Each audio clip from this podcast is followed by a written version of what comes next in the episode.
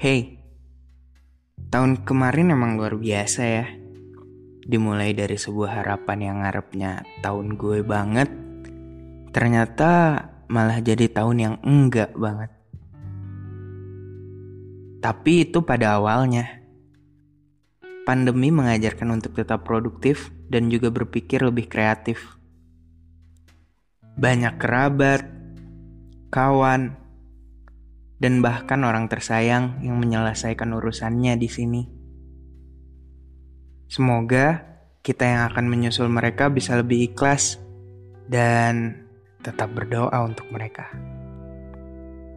Dan hai tahun baru, tahun yang belum tentu lebih baik. Namun, tahun ini sebagai secerca harapan agar segalanya menuju lebih baik, agar setiap langkah terasa lebih mudah. Yang jelas, terima kasih 2020 sudah menjadi tahun yang mengajarkan kedewasaan. Sudah menjadi tahun yang memberikan banyak pelajaran tentang bagaimana menghargai waktu dengan yang tersayang.